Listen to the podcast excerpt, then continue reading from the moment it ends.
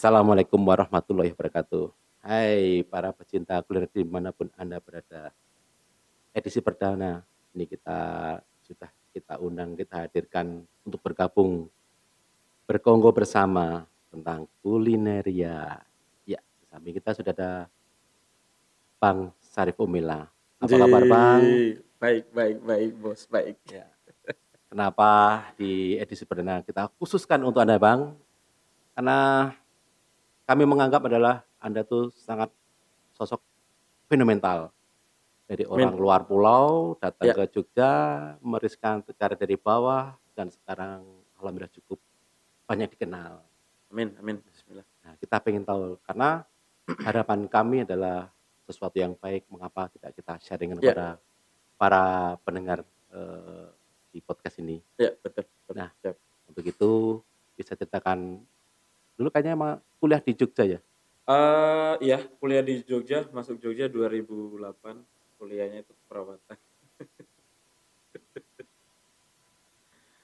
Kuliah keperawatan, terus ya awal-awal sifat eh, timurnya itu masih ke bawah-bawah dan berjalannya waktu 1-2 tahun di 2010 2011 mulai menghindari kerumunan eh, sesama teman-teman timur. Saya pengen eh saya pengen seperti eh, orang Jawa pada umumnya seperti itu karena mohon maaf nih misalnya kita bergabung sama teman-teman sana kerjanya cuman minum segala macam kan gak bagus. Nah, akhirnya saya pengen eh, memberikan sesuatu yang baru untuk teman-teman sana juga seperti itu. Oke. Jadi istilahnya pengen eh, lepas dari teman-teman, ingin mencoba Ya. sesuatu yang baru, apa sih ada Betul. di Jogja? Betul. Nah, dari situ merintis apa, Bang? Dulu eh, setelah kuliah 2012-2013 selesai, saya tuh pertama kali usaha jadi saya nggak mengenal dunia kerja. Mengenal dunia kerja itu jadi pegawai cuman saat pas kuliah saya eh, kuliah sambil kerja saat itu megang salah satu apa namanya marketing penerbit kesehatan dibayar 300 ribu. Dibayar 300 ribu per bulan saya nggak mempermasalahkan di situ. Yang penting saya prinsipnya mau belajar. Berjalannya waktu di 2013 saya mulai usaha. Saya punya usaha tahu tuna itu pionir di Jogja bahkan ada produk yang olahan tuna itu yang pelopori saya. Setelah itu berkembang berkembang saya bisa menguasai pasar eh, Jogja secara keseluruhan baik di area strategis di eh, apa namanya Sturan di Mangkubumi di area Tugu di Kopi Jos di Malioboro bahkan sampai di alun-alun itu saya eh, megang semua. Nah dari situ ada hasil. Alhamdulillah saya ada peluang untuk buka angkringan. Saat itu saya buka angkringan Kopi Jos di Mangkubumi. Situ setelah itu saya melebarkan sayap lagi buka angkringan di Malioboro. Dan luar biasa boom banget saat itu. Berjalannya waktu ya sampai detik inilah saya bisa apa namanya punya usaha juga di bidang kuliner. Ya mungkin teman-teman udah tahu yaitu Kopi Ampirona. Oh, gitu, Bang. Eh, pertanyaan tadi tentang bisa tahu tuna tadi ya? Iya, betul. Itu Tahu tuna. Abang jual langsung ke konsumen atau dititip jualkan? Eh, titip jualkan. Jadi Di saya produksi sendiri terus titip jual ke angkringan, ke restoran. Oh, iya iya jadi jadi memang eh, hebat ya, karena titip jual itu memodali loh, Bang. Iya, betul betul. Itu berarti Anda punya banyak karyawan itu untuk proses? Alhamdulillah untuk saat itu banyak karyawan eh, itu saya berdayakan adik-adik yang dari Sulawesi. Mereka dari pulau kecil, kalau saya kan dari kota, dari Bau-Bau. Mereka dari pulau kecil, modal nekat, bahkan di sana orang tuanya juga pada susah.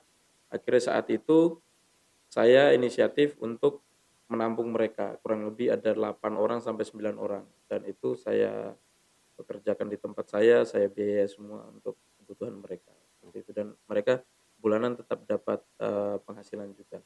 Wow, hebat sekali ya ini, eee, para pecinta kuliner di mana pun eee, Anda berada ya, usia muda tapi sudah bisa memper eee, kerjakan ataupun bisa menampung untuk mengerjakan orang sampai 8 orang. Karena itu, eee, cukup luar biasa, Bang.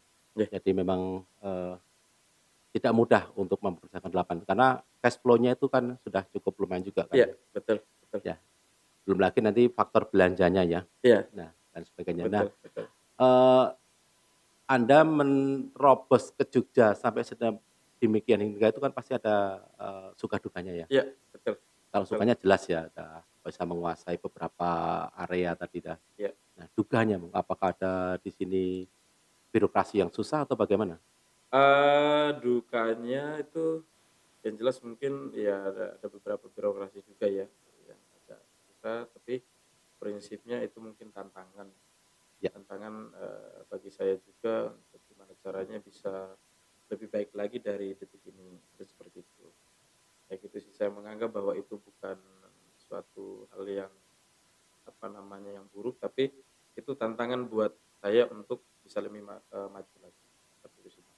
Nah ini pecinta kuliner, itu sesuatu yang, eee, duka itu adalah merupakan tantangan. Jadi hadapi dengan, eee, kenyataan, optimisme dan insya Allah jadi.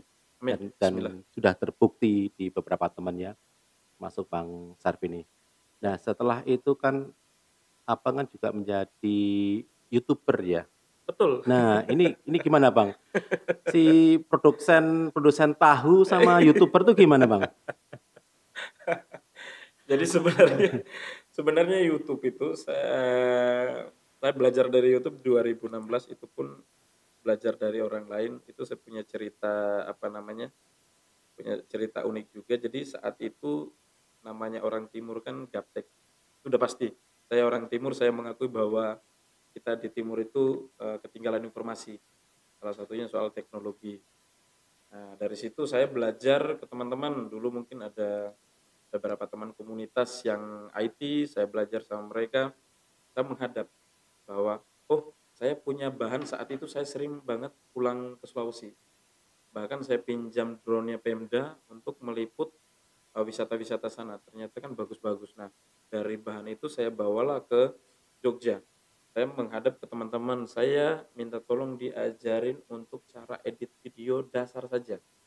Nah saat itulah dibantu sama teman-teman, saya bermodalkan angkringan tadi yang di Malioboro, saat itu saya undang teman-teman, eee, mungkin teman-teman mau dengar ini mungkin ada teman-teman yang saat itu bergabung mungkin bisa menyaksikan langsung ya. Saat itu, saya ajak, "Bro, saya diajarin eh Bang, sama Om, saya diajarin ngedit video, saya nggak punya duit, tapi saya punya wedangan, sajian minuman untuk, eee, teman-teman. Mungkin ini sebagai pengganti, eee, apa namanya itu, uang," gitu. Nah modal nekat akhirnya dari situ saya mengembangkan, "Oh ternyata 2016 dulu YouTube bagus banget ketimbang sekarang ya." Uh, saya mulai edit video terus upload di YouTube, uh, tiba-tiba bisa menghasilkan saat itu dalam hitungan subscribe saya belum banyak, seribuan kalau nggak salah, tapi sudah bisa menghasilkan kurang lebih 5 juta. Alhamdulillah. Per bulan. Zaman itu ya Bang ya? Zaman itu, betul sekali. Itu 5 juta itu kalau dibelikan tahu bisa berapa itu Bang? Banyak. Kalau dimakan sendiri pasti kenyang ya Bang ya? Betul sekali betul sekali betul Oh gitu. sekali. Ya ya. Nah sampai sekarang masih mengelola YouTube-nya? Eee, sampai sekarang, eee, masih, tapi jarang-jarang ketika misalnya saya ada punya konten warung saya, baru saya posting atau enggak prinsipnya itu untuk konten-konten informatif saja. Nah itu baru saya up, kalau enggak ya dibiarin nganggur aja gitu. Mmm.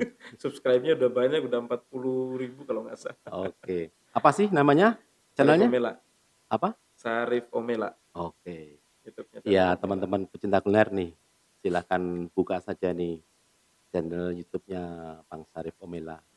Ya. Tentunya silahkan likes, komen, share.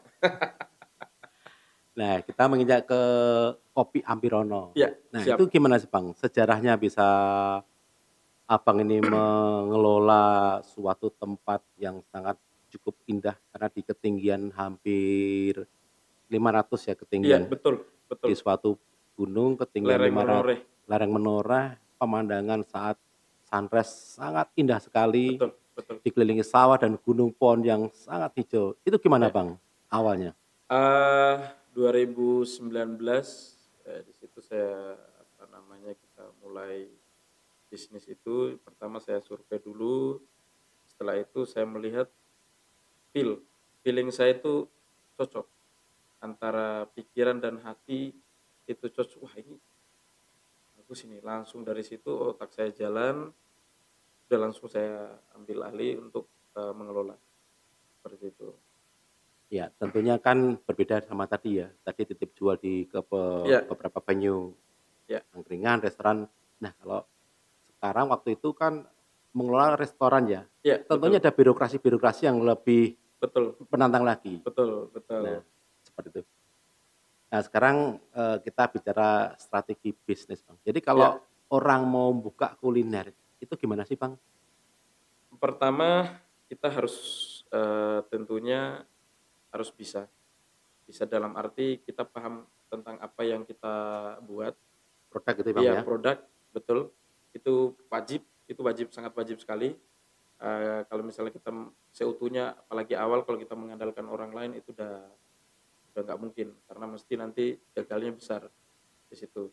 Nah, yang kedua mungkin kita bisa melihat, lokasi-lokasi ini, eee, apa namanya, eee, pas untuk dimaksimalin apa enggak, karena itu pengaruhnya luar biasa juga untuk lokasi. Seperti itu. Nah, kalau modal mungkin ya modal menyesuaikan, eee, apa namanya, kayak misalnya Kopi Ampirono dulu modal pas-pasan modal pas-pasan, kita cuman bermodalkan saya itu cuman bermodalkan, eee, pendopo, 1 pendopo, setelah itu saat itu pun, eee, meja, eee, saya menggunakan meja pintu itu daun pintu, tinggal dibuatin cagakan aja. Cagak buat kakinya? Kaki, betul. Saat itu karena mengingat, eee, minimnya anggaran di situ, tapi saya nggak, eee, patah semangat, gimana caranya Kopi Ampirono bisa dikenal. Eee, setelah itu mulai Juni saya mulai masak-masak itu, training karyawan dan lain sebagainya itu dimulai 6 Juni di pas hari Jumat. Saya mulai kurang lebih 1 sampai 2 bulan saya training karyawan, maksimalnya itu di Agustus baru di-up di luar. Oh, di-push-kan untuk anu Di-push untuk promosinya umum, ya? ya untuk umum. Di Untuk situ bertahap-bertahap, evaluasi terus, tiap minggu evaluasi tiap minggu evaluasi, tiap bulan evaluasi, sampai di titik saat ini, eee, alhamdulillah, eee, Kopi Ampirono bisa dikenal, eee, kalangan luas. Oke, jadi 1, 2. Ada poin yang ketiga, Bang? Tadi baru 2, yang Iya. ketiga? Poin ketiga pertama, eee, jangan putus semangat mungkin, karena kuliner itu tantangannya besar, orang kadang melihat hanya segi ramenya, tapi segi permasalahannya juga banyak. Iya, ternyata banyak juga lah, Bang. Segi permasalahannya banyak sekali, terutama kita biasanya berurusan sama SDM itu udah pasti, Iya. itu poin pentingnya itu.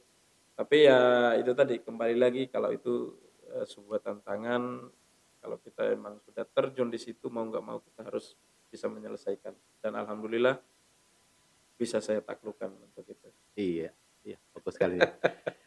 Demikian ya ini para pecinta kuliner, jadi tantangan ini adalah, eee, harus ditaklukkan. Jangan Ya. patah semangat ya, Bang, ya? Betul betul sekali betul Nah, sekali. tentunya, eee, setelah meraih mungkin apakah ini dulu mimpi atau di luar mimpi, Bang, bisa sesukses sekarang, Bang? Eee, saya itu prinsipnya orangnya santai. Santai dalam arti itu, apa ya, saya tetap saya punya plan bahwa tahun ini harus seperti ini, tahun ini harus seperti ini, tapi itu dibuatin, apa ya, kalau orang Jawa nggak usah ngoyo lah, yang penting sesuai target aja, seperti itu. Kayak gitu. Kalau untuk ya cita-cita mungkin, ya cita-cita salah satunya sih di situ. Kayak gitu. Nah, tentunya kan gini, Bang, Ya. eee, setelah Abang terkenal atau mungkin ya seperti kasus-kasus restoran yang lain ya, Iya, setelah terkenal pasti ada orang melirik, "Wah, kayak gitu aja laris, aku bisa bikin nih. Nah, akan Betul. akan muncul pesaing-pesaing, Betul baik di betul. lingkungan setempat atau, eee, di tempat yang lain yang memiripkan gitu loh. Nah, Betul itu betul. gimana Bang menurut? Itu terjadi di Kopi Ampirono untuk detik ini. Itu ada beberapa warung yang buka dan itu teman-teman juga tadinya sharing kita sama mereka, kita kasih petua segala macam, eh buka yang yang sama persis. Di dekatnya atau jauh? di dekat di dekat sama persis sama Kopi Ampirono, eee, tapi ya itu tadi, ya saya juga bangga bisa ditiru sama banyak orang, tapi satu hal teman-teman kalau misalnya punya kreativitas mendingan dikembangin sendiri kreativitas tersebut. Karena yang namanya followers itu nggak bakalan bertahan lama, di situ. Itu namanya followers biasanya nggak bertahan lama karena kita, apa ya, beda ya, tangan tangan saya mungkin sama tangan orang lain itu biasanya berbeda, biasanya kayak gitu.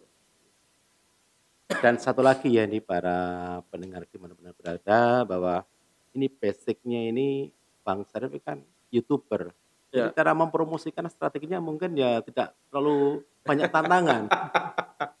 Karena sudah punya channel ataupun kenalan teman-teman orang di sosial media kan, ya? Betul betul betul. nah, artinya kita merambah ke pembahasan seberapa penting sih, eee, sosial media ataupun di, eee, dunia internet itu, Bang? Sangat penting sekali.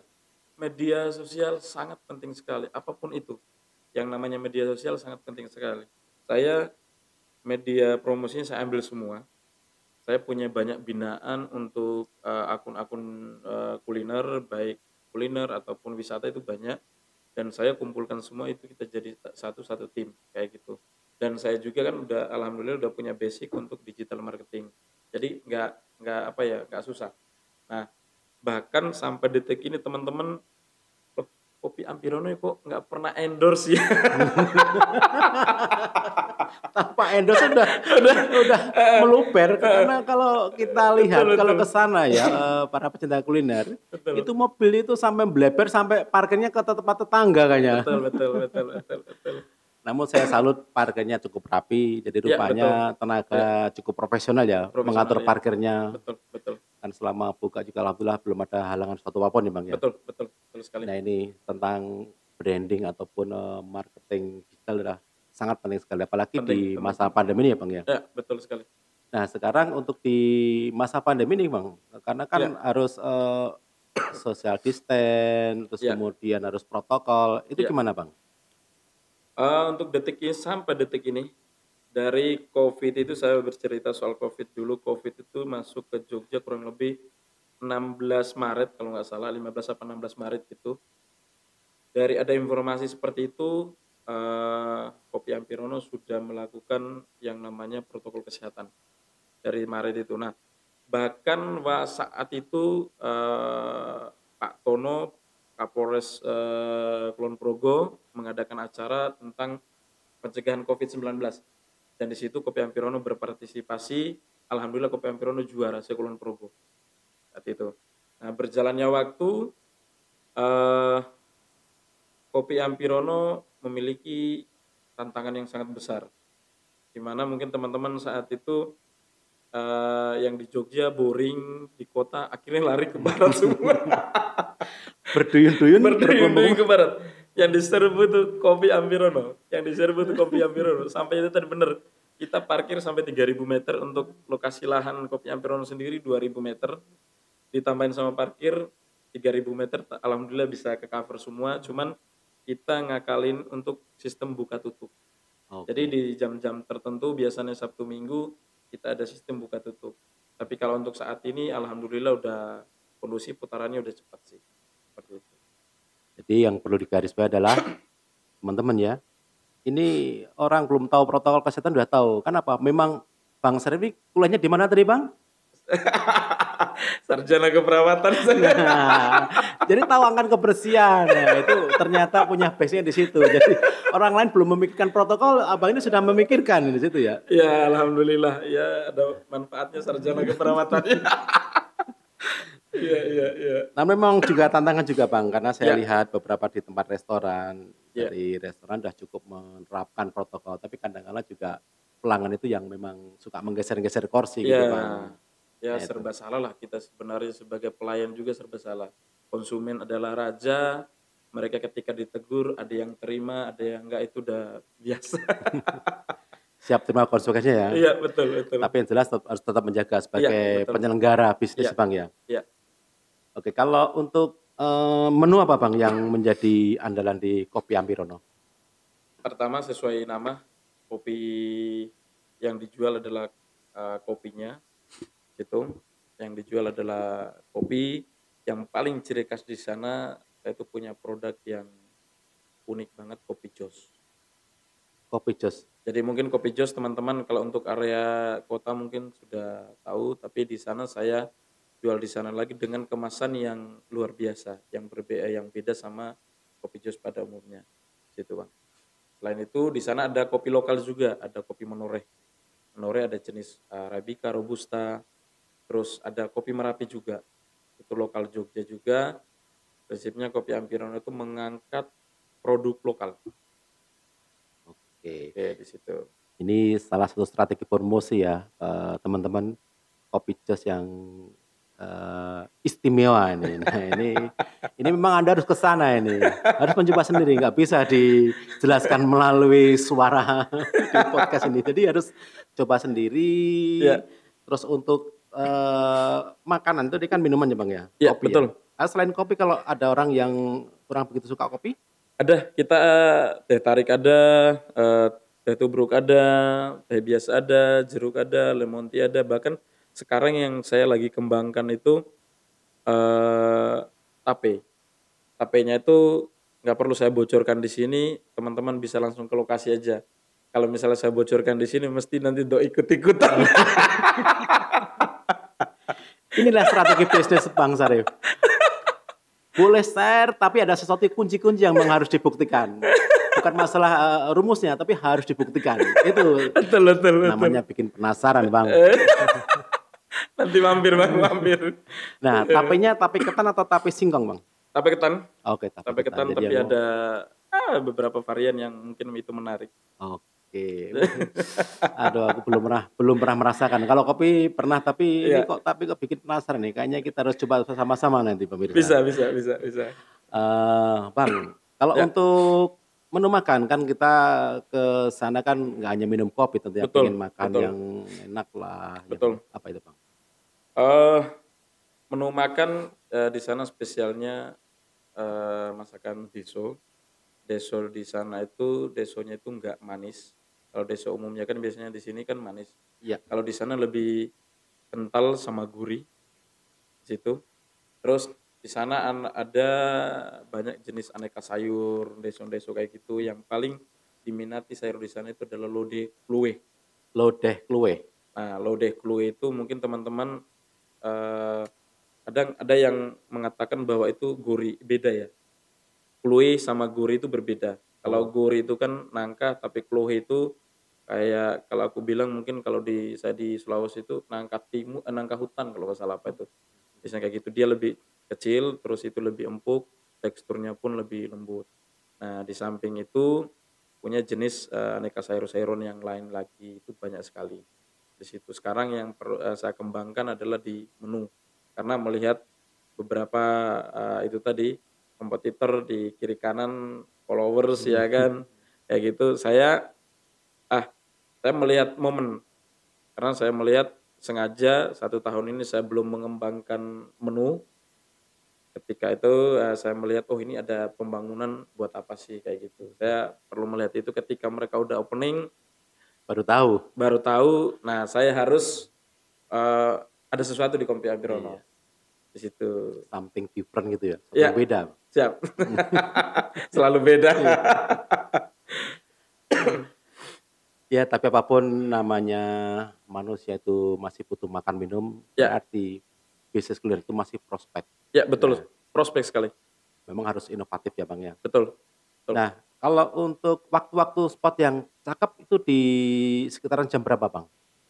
untuk jam buka dulu nih ya Eh, jam buka untuk hari biasa Senin sampai eh, Jumat itu jam 11 sampai jam 9 malam tapi untuk kabar gembira untuk rombongan gue Sabtu Minggu sekarang saya buka lebih awal jam 7. Oh. Jam 7 itu udah buka, Sabtu Minggu itu buka jam 7 dan pas kalau yang untuk teman-teman mau foto atau enggak misalnya mau santai, itu kalau untuk spot foto yang paling bagus itu di jam 2-an, jam 2 ke jam 3. Kalau pengen suasana di sore hari sama malam hari, itu Jam bagus 2 banget. apa nggak panas, Bang? Eee, di sana di atas di outdoor udah ada paranetnya. Dia tetap ada apa namanya, nggak begitu panas, tapi kalau untuk pengen mau nyari spot yang bagus, ya itu tuh di jam-jam itu, jam 1 ke jam 3 itu spot yang bagus karena ketika kita foto, awan yang gelundar-gelundul itu kelihatan semua. Oke. Itu jadi ai sore ya, Bang, iya ya? betul, Eee, sore. ke sunset ya? Iya. Karena itu kan menghadap ke timur itu kan sunrise kan cakep. Misalkan ada Betul. nih, ada teman-teman yang suka hunting untuk sunrise-nya, Iya. apa bisa, Bang, sana, Bang? Bisa, itu sangat bisa. Misalnya kalau ada rombongan teman-teman yang pengen ke sana, kontak aja, misalnya ada berapa orang rombongan yang mungkin kita bisa fasilitasi. Atau enggak mau camping juga, Oh, ada it camping? iya, kita ada camping juga, kita fasilitasi juga. Nanti kalau untuk rombongan 20 orang, itu saya bisa jam eee, kasihkan, eee, bonus ikan bakar. Ikan apa, Bang? Oh, jangan-jangan cedol, sana kan banyak cedol, Bang? Bukan, ikan laut. Oh, itu. Ada ikan laut, ada nanti ada ayam, ada jagung, nanti kita fasilitasi teman-teman mungkin tinggal nambah, eee, cemilan-cemilan yang lain aja. Kurang lebih Oke. seperti itu. Jadi di samping men eee, sebagai tempat kuliner nih, ternyata ada camping ground-nya. Iya, betul Terus betul. kemudian dikembangkan lagi, kira-kira apa ada, Bang, nanti? Eee, tadi gowes tadi kan jam 7 bisa masuk. Iya, jam Tapi 7 bisa kalau masuk. misalkan mau langsung ke sana, ada disediain sepeda nggak, Bang?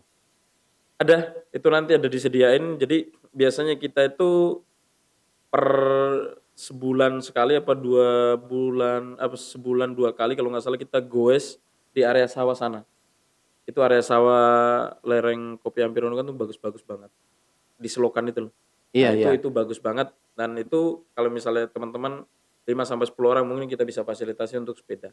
Oke, ya memang situ. idealnya segitu sih, Iya. 10 orang, 10 sepeda itu Iya, betul betul. karena saya searching googling itu memang di sana ada ada satu apa ya, eee, sungai kecil ya, sungai Betul. kecil yang Betul. panjang, kayak selokan Mataram tuh Itu panjang. selokan Mataram. Oh, selokan Mataram? Iya, Oh. itu selokan Mataram pecahan dari Progo, iya, Progo. Dari Ancol. Iya, itu Oh, kurang iya iya, karena memang Itu selokan Mataram. apalagi ini banyak teman-teman yang memang sudah foto di sana, memang cakep sekali. Iya. Apalagi kalau musim penghujan kan hi sawahnya hijau, Banget banget. Hutan-hutannya hijau. Betul betul. Nah, tadi ngomong-ngomong kalau misalkan, eee, mau sunrise atau mau reservasi bisa kehubungi nomor telepon berapa? 0822 Iya. 2673 0823 itu nomor pribadi saya. Wih, Eee, langsung dan ini nggak main-main loh ini, tolong jangan di-hoax-kan loh ini, nanti disebarluaskan bahwa ini kalau saya petualang kuliner ini petualang cinta nih, ya kan, Bang? Bisa diulang lagi, Bang, nomornya, Bang? Oke, siap. 0822 2673 0823 Sarif Omela. Kalau untuk Instagramnya, Bang? Instagramnya Kopi Ampirono aja. Oke, jadi Kopi sekali ya. Ampirono, map juga Kopi Ampirono juga. Jadi sudah kita kupas tuntas, mungkin ada ditambah lagi lagi, Bang, sebelum kita tutup pintu ini? Eh, mungkin untuk Covid, Kopi Ampirono untuk sampai detik ini punya satgas te- tersendiri. Satgas penanganan COVID-19 baik Kopi Ampirono sendiri, itu inisiatif saya sendiri dan itu diapresiasi eh, Pak Bupati Kulon Progo, Pak Tejo. Oh iya, karena saya langsung lihat Instagramnya habis kunjungan di sana Iya, ya. betul. Kemarin Minggu habis kunjungan ke, ke Kopi Ampirono. Oh. Begitu para pecinta kuliner di mana pun Anda berada, di ini di tayang perdana ini cukup sangat spesial sekali kita bisa menghadirkan Bang Sarif Omela. Sekian sharing dari kami. Assalamualaikum warahmatullahi wabarakatuh.